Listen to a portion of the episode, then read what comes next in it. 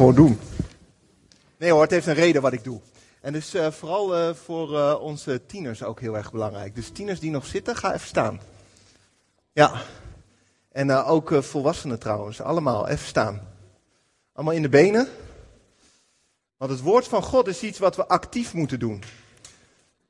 Dus iedereen die niet in een rolstoel zit mag gaan staan. En iedereen die wel in een rolstoel zit trouwens ook. Toch? Daar gaan we voor, toch of niet dan?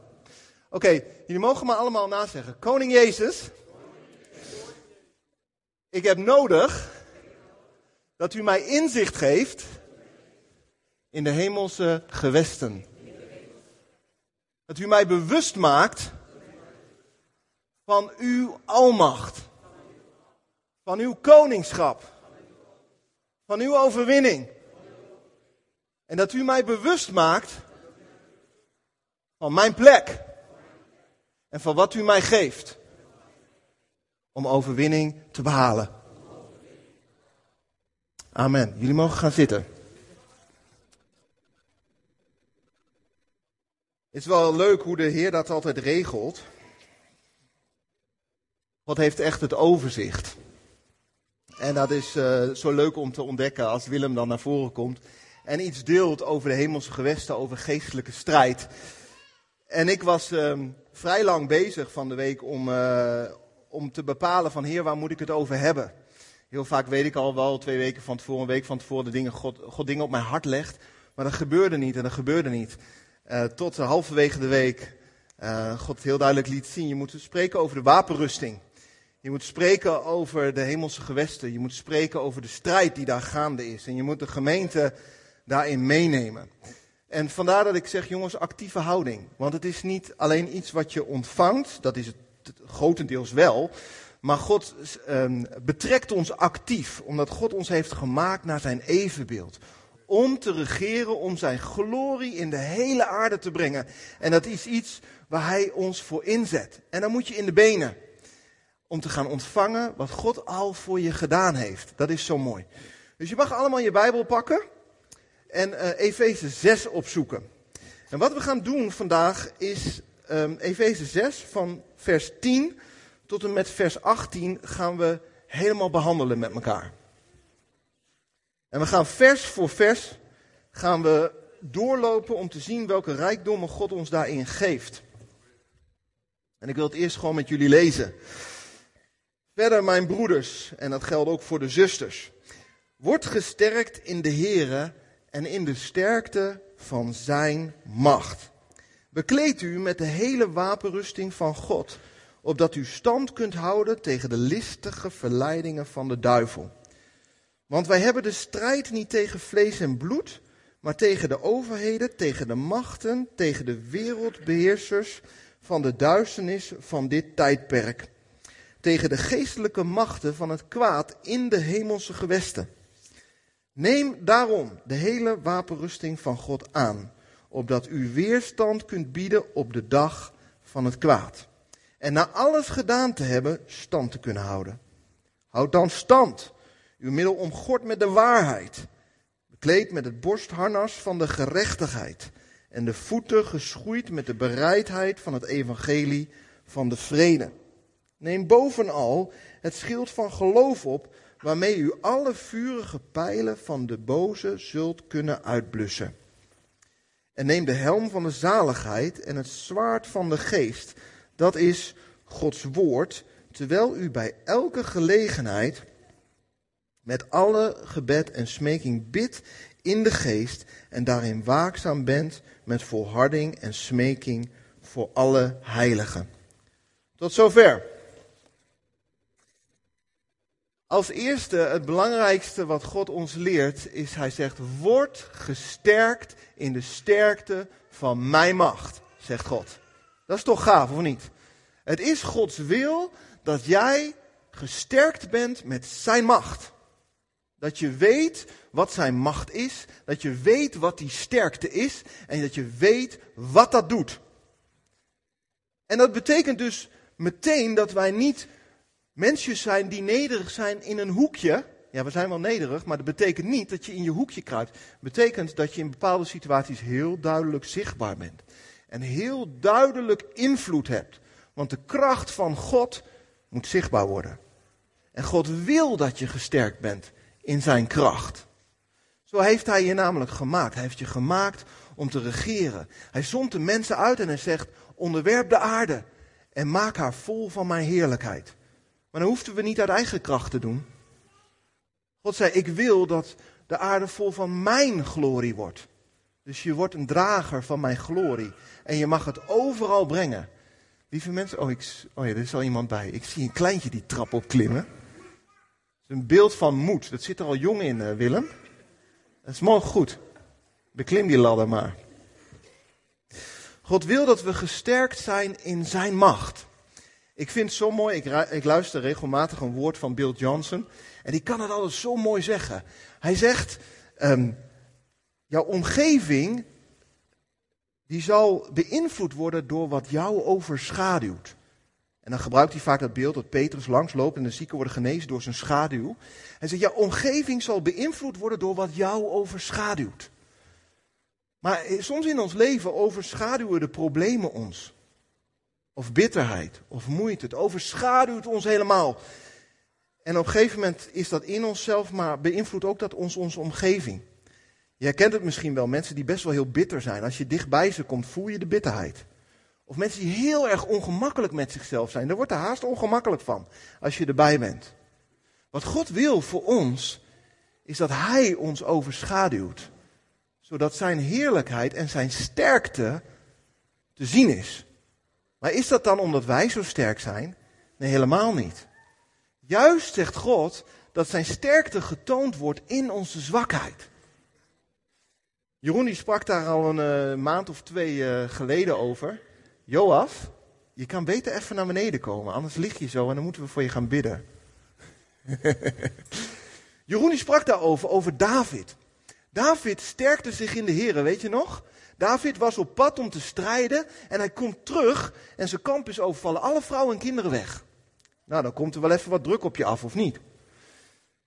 En als er druk op je afkomt, het eerste wat je denkt, wat moet ik doen, wat moet ik doen, wat moet ik doen? Je gebruikt je verstand. Je gevoel slaat op hol, je bent geneigd misschien uit controle of uit eerste reflex van alles te doen. Maar wat deed David? David sterkte zich in de Here. Hij trok zich terug naar de plek van ontmoeting met God. En hij sterkte zich in de Here. Hij liet dus niet zich overschaduwen door de grote problemen. Hij koos om naar de plek te gaan waar hij overschaduwd werd door de Here. En God sprak tegen hem, hij stond op, gekleed in de sterkte van de macht van God. En hij wist wat hij moest doen.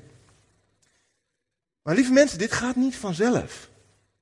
Het allerbelangrijkste om te winnen in de geestelijke strijd is de presence, de aanwezigheid van God. Immers door zijn sterkte wordt er overwonnen. Maar als jij die plek niet kent in je leven waar jij gesterkt wordt, dan weet je niet wat je moet doen. Want wie gaat er nou als eerste naar die plek van stilte? Moet je eens even bedenken, als al die gasten op je afkomen met hun grote woorden en ze wouden hem doden.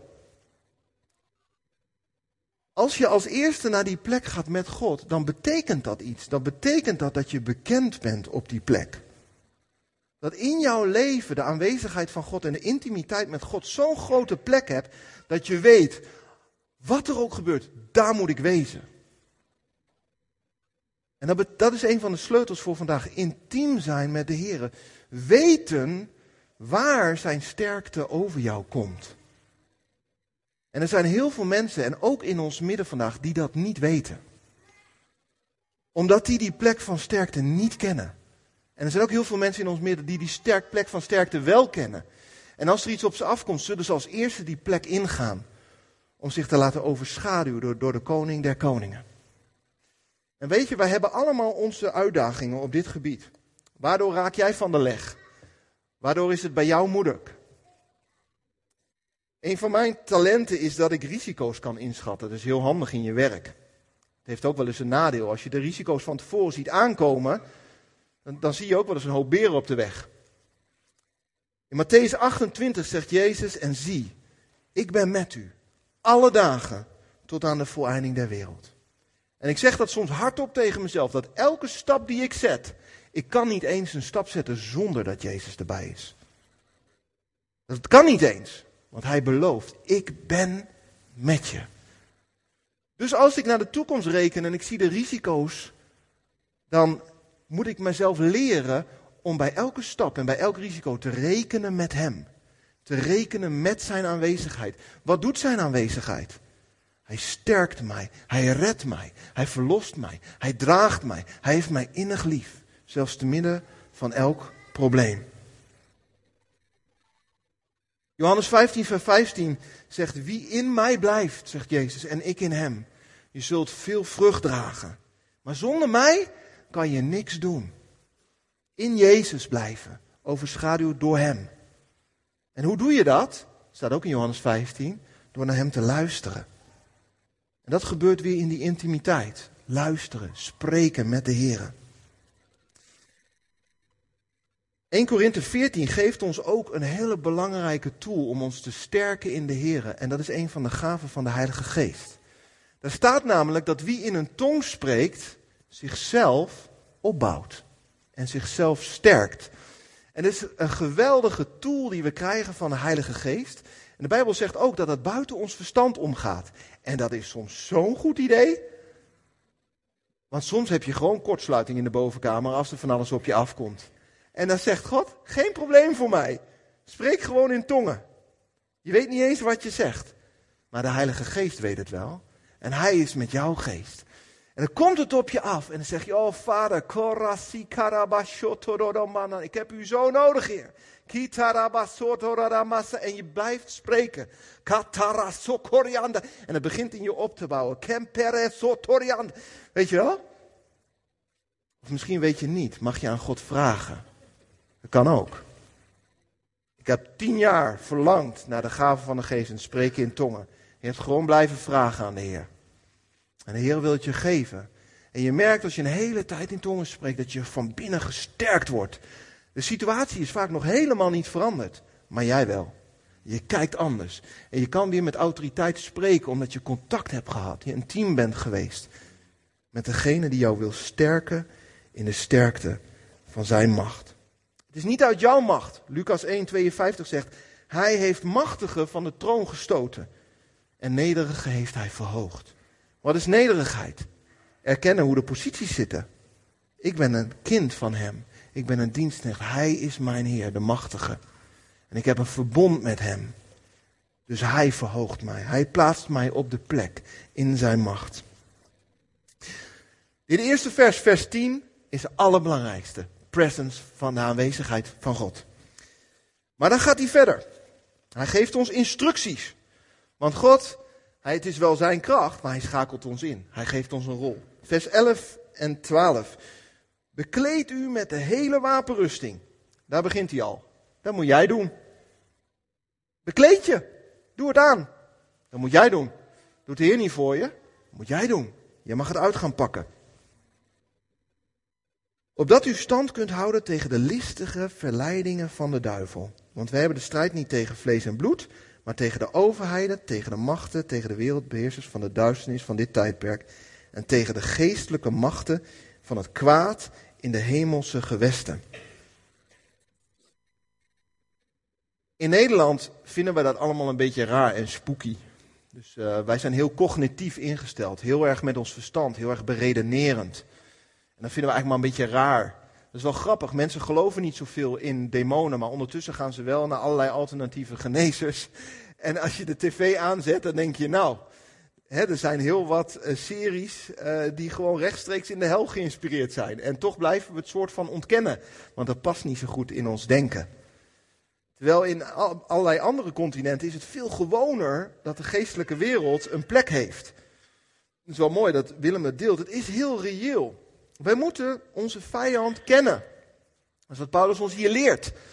En onze vijand is niet vlees en bloed. Dat is één. Niet mensen. Niet vlees en bloed. Maar er zijn wel machten. Er is een tegenstander, er is een duivel en er is een hele set demonen. Wat moet je over hen weten? Nou, je moet weten dat ze verslagen zijn door het bloed van het lam. En door het woord van ons getuigenis, de openbaring. Dus je moet weten dat er maar één soort demon is en dat is een verslagen demon. Hij is verslagen door koning Jezus. Dat is belangrijk dat je dat weet. Maar zonder Jezus ben je nergens. Want demonen zijn veel machtiger en krachtiger dan wij mensen. Maar in Jezus, je weet wat er gebeurt hè? als Jezus aankomt en die kudde varkens, je weet wat er gebeurt. Ze beginnen al te roepen, oh Jezus, Jezus, begint u nu al af te rekenen? De demonen gaan op de loop. Dus in Jezus zijn we machtig. Maar ze zijn er wel. In het, in het, als Jezus zijn bediening start, dan zien we dat mensen onderdrukt worden door demonen. Dat ze gek gemaakt worden in hun denken door demonen. Dat ze ziek gemaakt worden. Dat, ze, dat er van allerlei dingen. Allerlei gek gedrag vertonen door de invloed van demonen. Dat is dus wel werkelijkheid. En in de rest van het Nieuwe Testament zien we heel duidelijk dat demonen ons weg willen leiden, willen verleiden, leugens willen planten, om ons weg te leiden van Jezus en van zijn werk. Hij wil Gods werk kapot maken. En dat is een realiteit. Er zijn ook mensen die zien achter elke boom een demon staan. Dat is het ook niet. Aan de ene kant kun je zeggen, wij zijn zo cognitief dat we alles weggeredeneerd hebben. Dat is niet waar. Er, is een, een, er zijn duistere machten, die zijn er gewoon. Maar er zijn ook mensen die wat tegenstand in hun leven ervaren of moeite en die alles wegsturen. Terwijl God plaatst je soms in een situatie zodat je moediger wordt. Zodat je je onzekerheid overwint. En als er iets op je afkomt wat je moeilijk vindt, moet je dat niet zomaar wegsturen. Het is een kans om te groeien in karakter. Om te groeien in geloof. Om te groeien in moed. Want God wil je sterk maken. Ja, maar wanneer is het nou wel een demon en wanneer nou niet? Want dat kan ik niet altijd onderscheiden. Wat je nodig hebt is de Heilige Geest die je onderscheid geeft. Ja? We moeten toetsen uit welke bron een geest is, of het een onreine geest is of niet. En dat kan alleen als de Heilige Geest ons onderscheid geeft. En onderscheid, dat is best wel oefenen. En daar hoeven we ook allemaal niet bang voor te zijn, daar mag je mee oefenen. Als een kind leert lopen, vinden we het hartstikke schattig als hij af en toe struikelt en weer opstaat en dat soort dingen. Dan mogen wij ook. En dat geeft niet. Zolang je in Jezus bent, ben je veilig. Ja, en dan stuur je wel eens iets weg wat je eigenlijk een karaktertraining voor je was. Of je denkt, ik pak die karaktertraining, uh, terwijl je het weg had moeten sturen. Dat kan. Dat geeft niet. De Heer vindt dat niet erg. Je mag gewoon leren. En de Heer wil je onderwijzen terwijl je bezig bent. En dat is het tweede wat je nodig hebt. Je hebt het woord van God nodig. Anders heb je allerlei aannames die helemaal niet waar zijn. Het woord van God zorgt dat je onderwezen bent. Toen de Heer Jezus verzocht wordt in de woestijn, versloeg hij de tegenstander door het woord van God. Want de tegenstander doet net halve waarheden. En dan zeg je op een gegeven moment, nee, maar dit klopt niet, dit is niet wat Gods woord zegt. En ten derde, mensen, dat is heel erg belangrijk, je hebt raadgevers nodig. Je hebt raadgevers nodig. Sommige mensen zitten zo alleen in hun denken en in hun bubbel, dat ze een hele gekke kant op redeneren. Dat gebeurt wel eens in bepaalde sectes. Dan pakken ze één stukje van Gods woord en dat kouwen ze zo uit dat je er helemaal bang van wordt. Dat klopt niet. Je hebt raadgevers nodig. Mensen die inspreken in je leven. Niet dat je gelijk hun, al hun raad kopieert, maar wel dat je in laat spreken. Dat je durft te zeggen, joh, bevraag mij eens kritisch. Zie je dingen in mijn leven? Kies je raadgevers wel goed, want niet iedereen is een goede raadgever. Je hebt iemand nodig die betrouwbaar is. Maar je hebt ook niet iemand nodig die alles zegt wat jij leuk vindt, want daar heb je dan niet zoveel aan. Dan blijf je in je eigen blinde vlek natuurlijk. Je hebt raadgevers nodig die betrouwbaar zijn, zodat je kunt onderscheiden. Vers 13. Neem daarom de hele wapenrusting van God aan, opdat u weerstand kunt bieden op de dag van het kwaad en na alles gedaan te hebben stand kunt houden. Weer zegt hij, doe de wapenrusting aan, dat moet je zelf doen. Dan moet je nou eens bedenken dat je vanochtend op pad was gegaan zonder kleren. Dat hadden wij heel apart gevonden. En op sommige dagen zou je dat kunnen doen. Stel dat het zomer is, het is lekker zonnig. Denk ja, ik kan wel zonder kleren komen. Staat een beetje bijzonder, maar kan wel. Je gaat er niet dood aan. Maar vandaag, ik kom uit Apeldoorn. Als ik was komen wandelen zonder kleren, Dan weet jij met mij dat het een zaak van leven of dood was geworden. Want ik was onderkoeld geraakt. Als ik niet geholpen was, dan was ik aan de beurt. En zo is het ook met de wapenrusting. Je kunt best wel eens even één deel van de wapenrusting niet aandoen en overleven. Maar hier zegt hij op de dag van het kwaad. Als het erom spant, als het min 10 vriest, zorg dat je kleren aan hebt. Dan is het een zaak van leven of dood. En daarom worden we opgeroepen, doe het aan. Vers 14, daar beginnen we. Houd stand uw middel omgord met de waarheid. De waarheid. Wat is de waarheid? Wie is de waarheid? Ik ben de weg, de waarheid en het leven, zegt Jezus. Dus blijf in Jezus. Hoe doe je dat? Johannes 15, door te doen wat hij zegt. Hoe kun je weten wat hij zegt? Lees het woord van God, word intiem met de Heer, want hij spreekt tegen jou vandaag, hier en nu. Maar wat is dan de waarheid over een kind van God?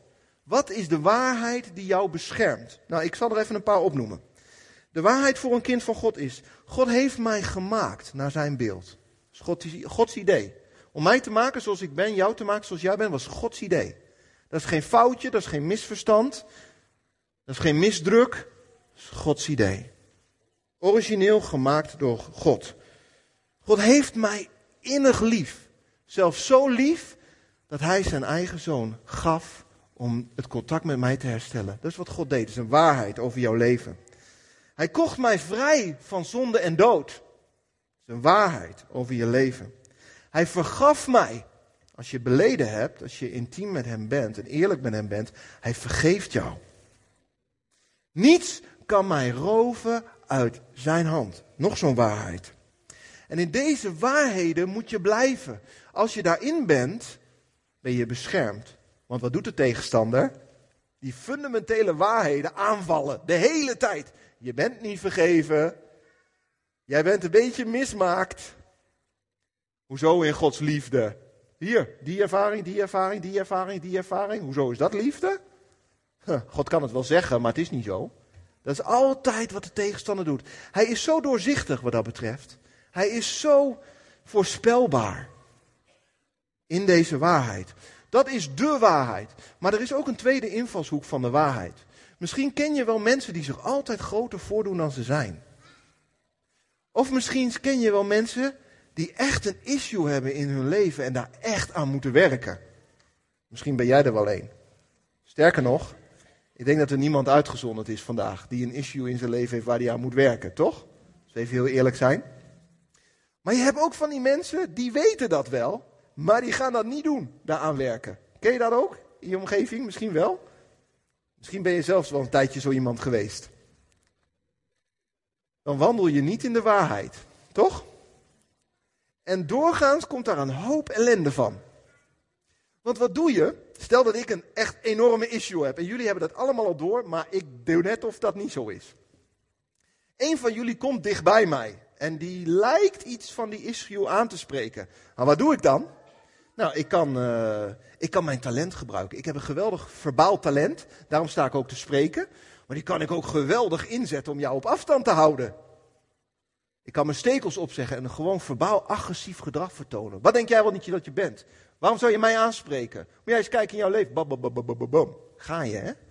En wat God gegeven talent ga je gebruiken om de waarheid over jou te maskeren, zodat je in de leugen kan blijven. Dus wat je doet, sommige mensen hebben zelfs zulk agressief gedrag ontwikkeld dat je gewoon bang van ze wordt. Soms zit daar heel veel pijn onder, heel veel moeite, daar moeten we heel veel geduld mee hebben. Maar dan wandel je niet in de waarheid. En dan ben je dus heel erg vatbaar voor de tegenstander. Want relaties, misschien van binnen schreeuwt het wel om liefde, om aandacht. Maar die ga je niet krijgen, want als iemand dichtbij komt, wat doe je? Stekels op. Want ja, ik wandel niet in de waarheid.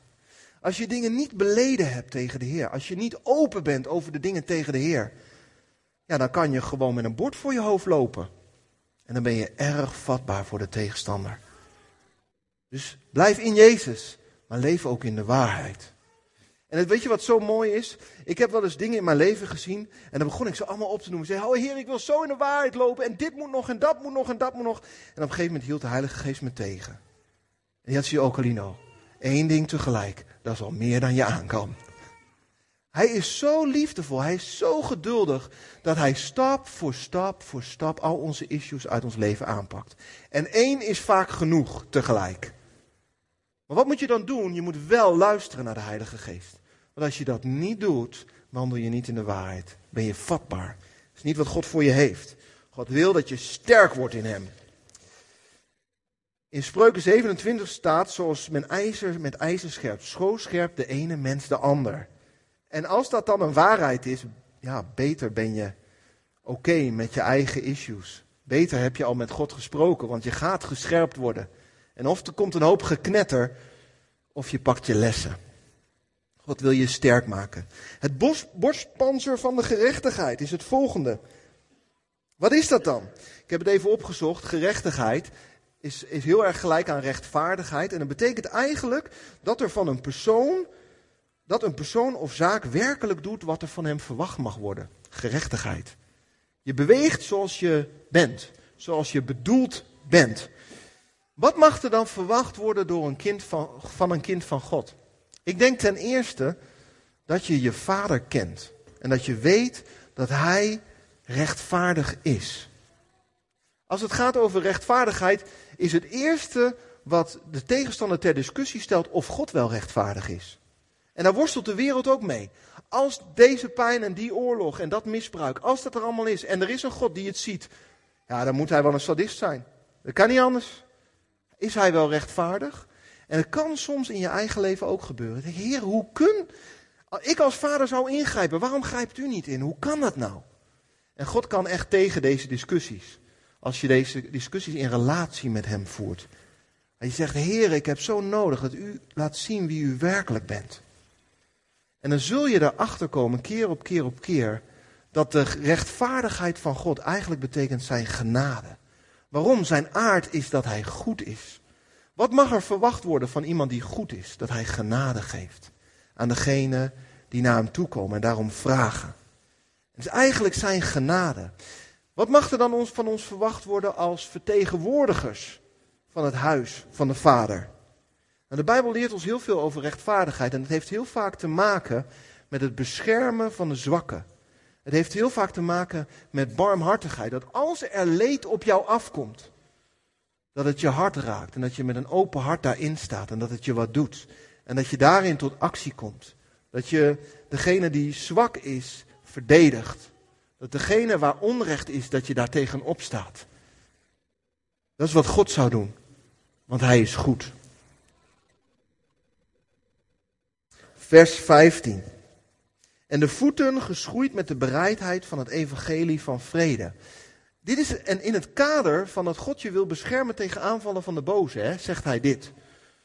Dus als je het goede nieuws van de vrede, van het evangelie brengt, beschermt dat jou tegen de aanvallen van de tegenstander. Het bouwt het koninkrijk uit, het verdrijft de duisternis.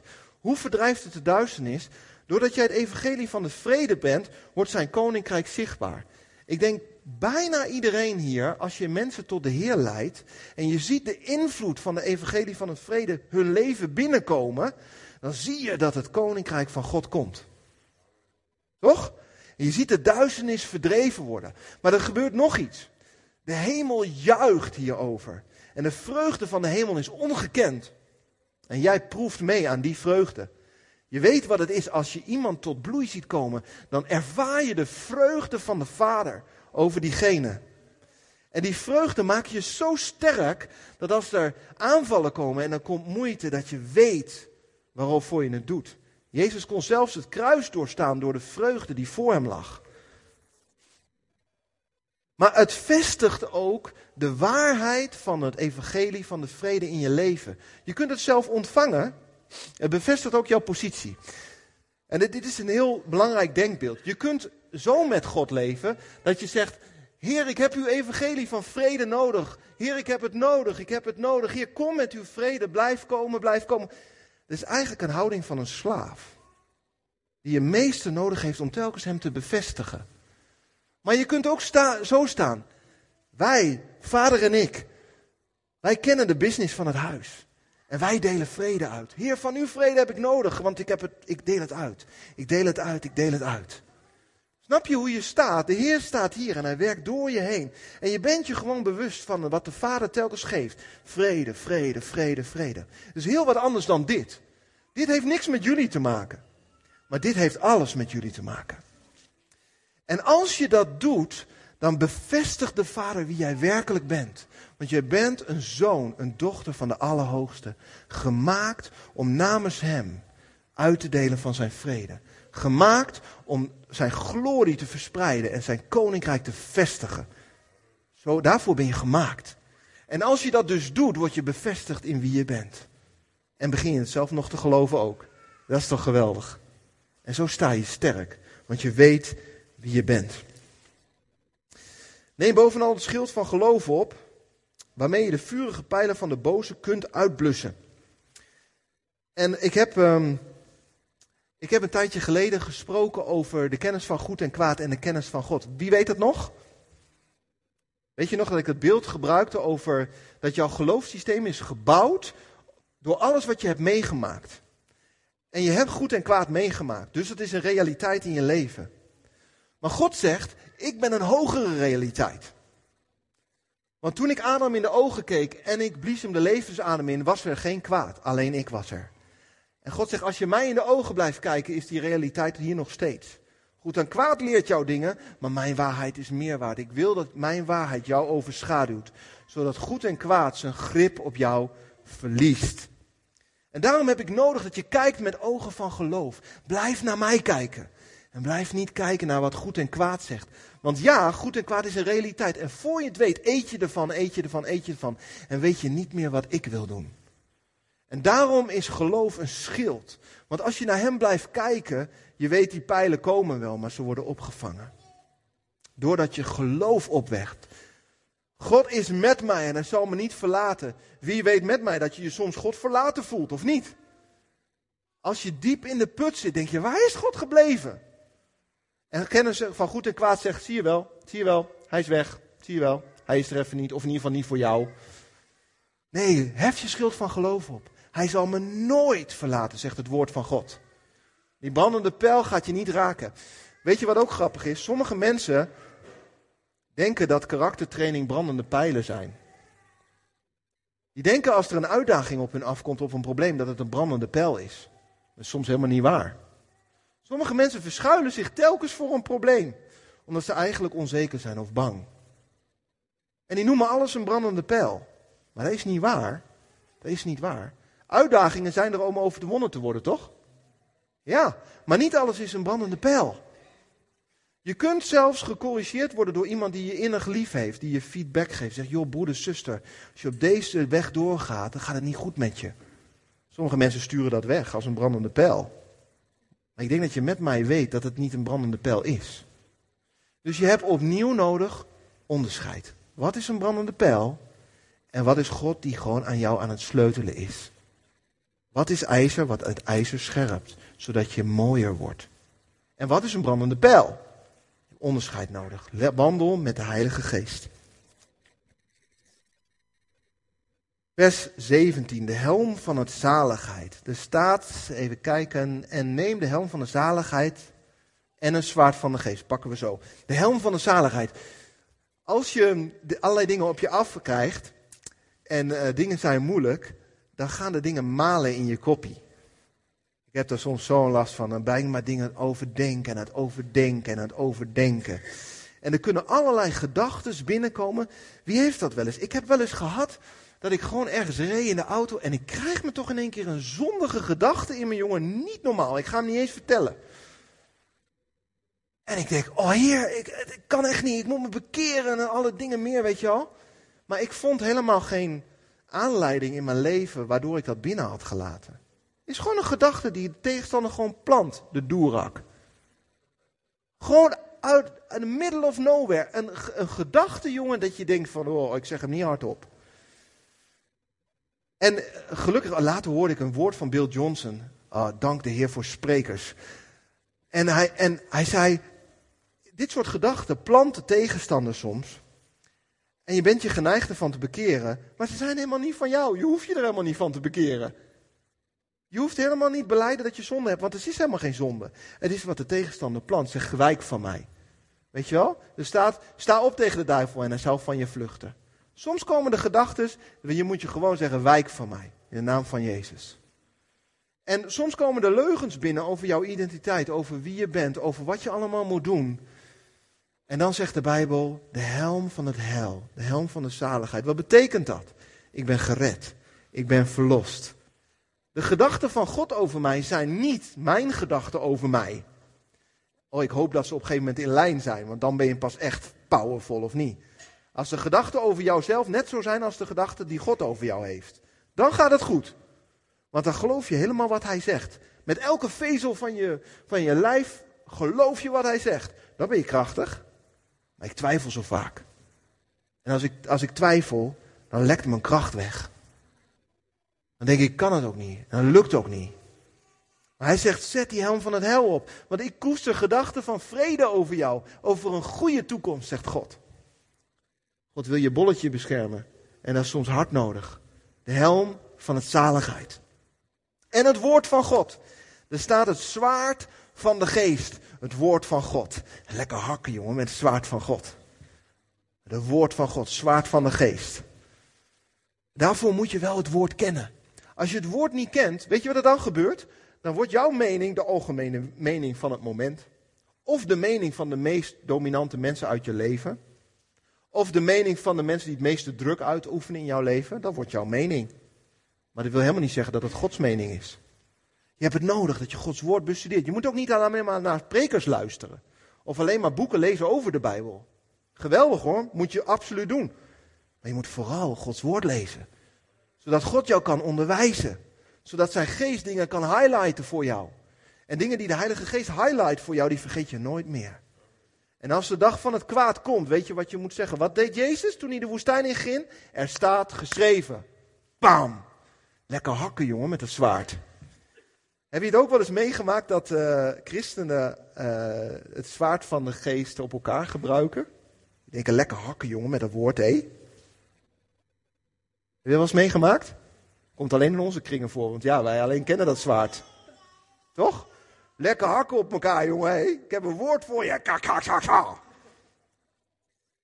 Ik heb erbij gezet in mijn preek, dan mag je terug naar start. Wie weet wat ik daarmee bedoel? Wie was onze vijand ook alweer? Niet vlees en bloed. Ga terug naar start en probeer het overnieuw. We gaan niet hakken met het zwaard van de geest op vlees en bloed. Maar we gaan hakken op de hemelse gewesten, op de machten die daar zijn. Er staat geschreven in de naam van Jezus, wijk. Korasakababam. Doe maar. Er mag gestreden worden, jongens. Dat mag echt. En je mag daar echt moedig in zijn. Stap voor stap voor stap voor stap, want je moet ook wel weten wat je doet. Jezus ging ook niet allerlei demonen uitdagen, moeten wij ook niet gaan doen. Maar je mag op gaan staan en je mag gaan leren je autoriteit uit te oefenen. In de naam van Jezus, ik bind deze macht. Want je wil eerst dat de sterke man gebonden is en dan plunder je zijn huis. Dat is de Bijbel ons leert. Maar daar moeten wij vaardig in worden. God wil dat we dat doen. Dat we dat zwaard goed kunnen hanteren. Je kan dat steeds beter. Daar in de naam van Jezus, wijk. Ik spreek vrijheid in de naam van Jezus. Mogen we gaan doen. Hoe moeten we het woord trouwens wel naar elkaar hanteren? Want we mogen absoluut hè, Gods woord hanteren naar elkaar toe. Maar begin te bemoedigen. Begin leven te spreken vanuit het woord van God naar die broeders en zusters. En ja, er is ook wel eens een vermaning nodig en een correctie. Maar de Heer wil altijd dat we heel veel veiligheid hebben en heel veel liefde als we dat doen. Anders kan de ander het niet pruimen. En dat heb ik zelf ook. Als iemand naar je komt, hé, hey, jij moet. Ik moet helemaal niks. Dat is het eerste wat we doen, hè? Als je dichtbij komt en je ervaart liefde, dan kan je iets accepteren van een ander. Dat is slim. Maar de duistere machten, dan mogen we wel hakken. Want God heeft geen mietjes gemaakt, hè? De zonen van God, jongen, die zijn echt. Uh, zijn machtig in zijn macht. En hier ga ik mee afsluiten, vers 18. Terwijl u bij elke gelegenheid met alle gebed en smeking bidt in de geest en daarin waakzaam bent met alle volharding en smeking voor alle heiligen. God heeft je een stem gegeven in de hemelse gewesten. Bid. Spreek. Spreek, spreek, spreek. Want God heeft je een machtige stem gegeven bij Hem. Hij luistert naar je. Hij gebruikt je gebed in de strijd. Heel erg belangrijk dat we met Hem spreken. Broeders en zusters, word gesterkt in de sterkte van Zijn macht. En je zult overwinnen. Amen.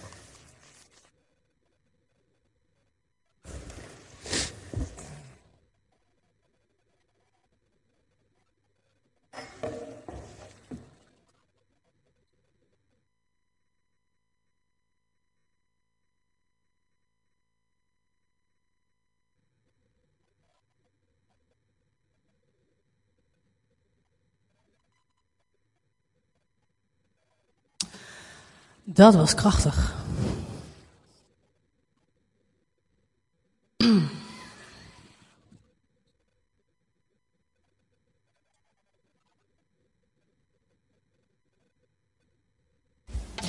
Ik wil eh, de bidders naar voren vragen. De mensen van het gebedsteam willen jullie eh, naar voren.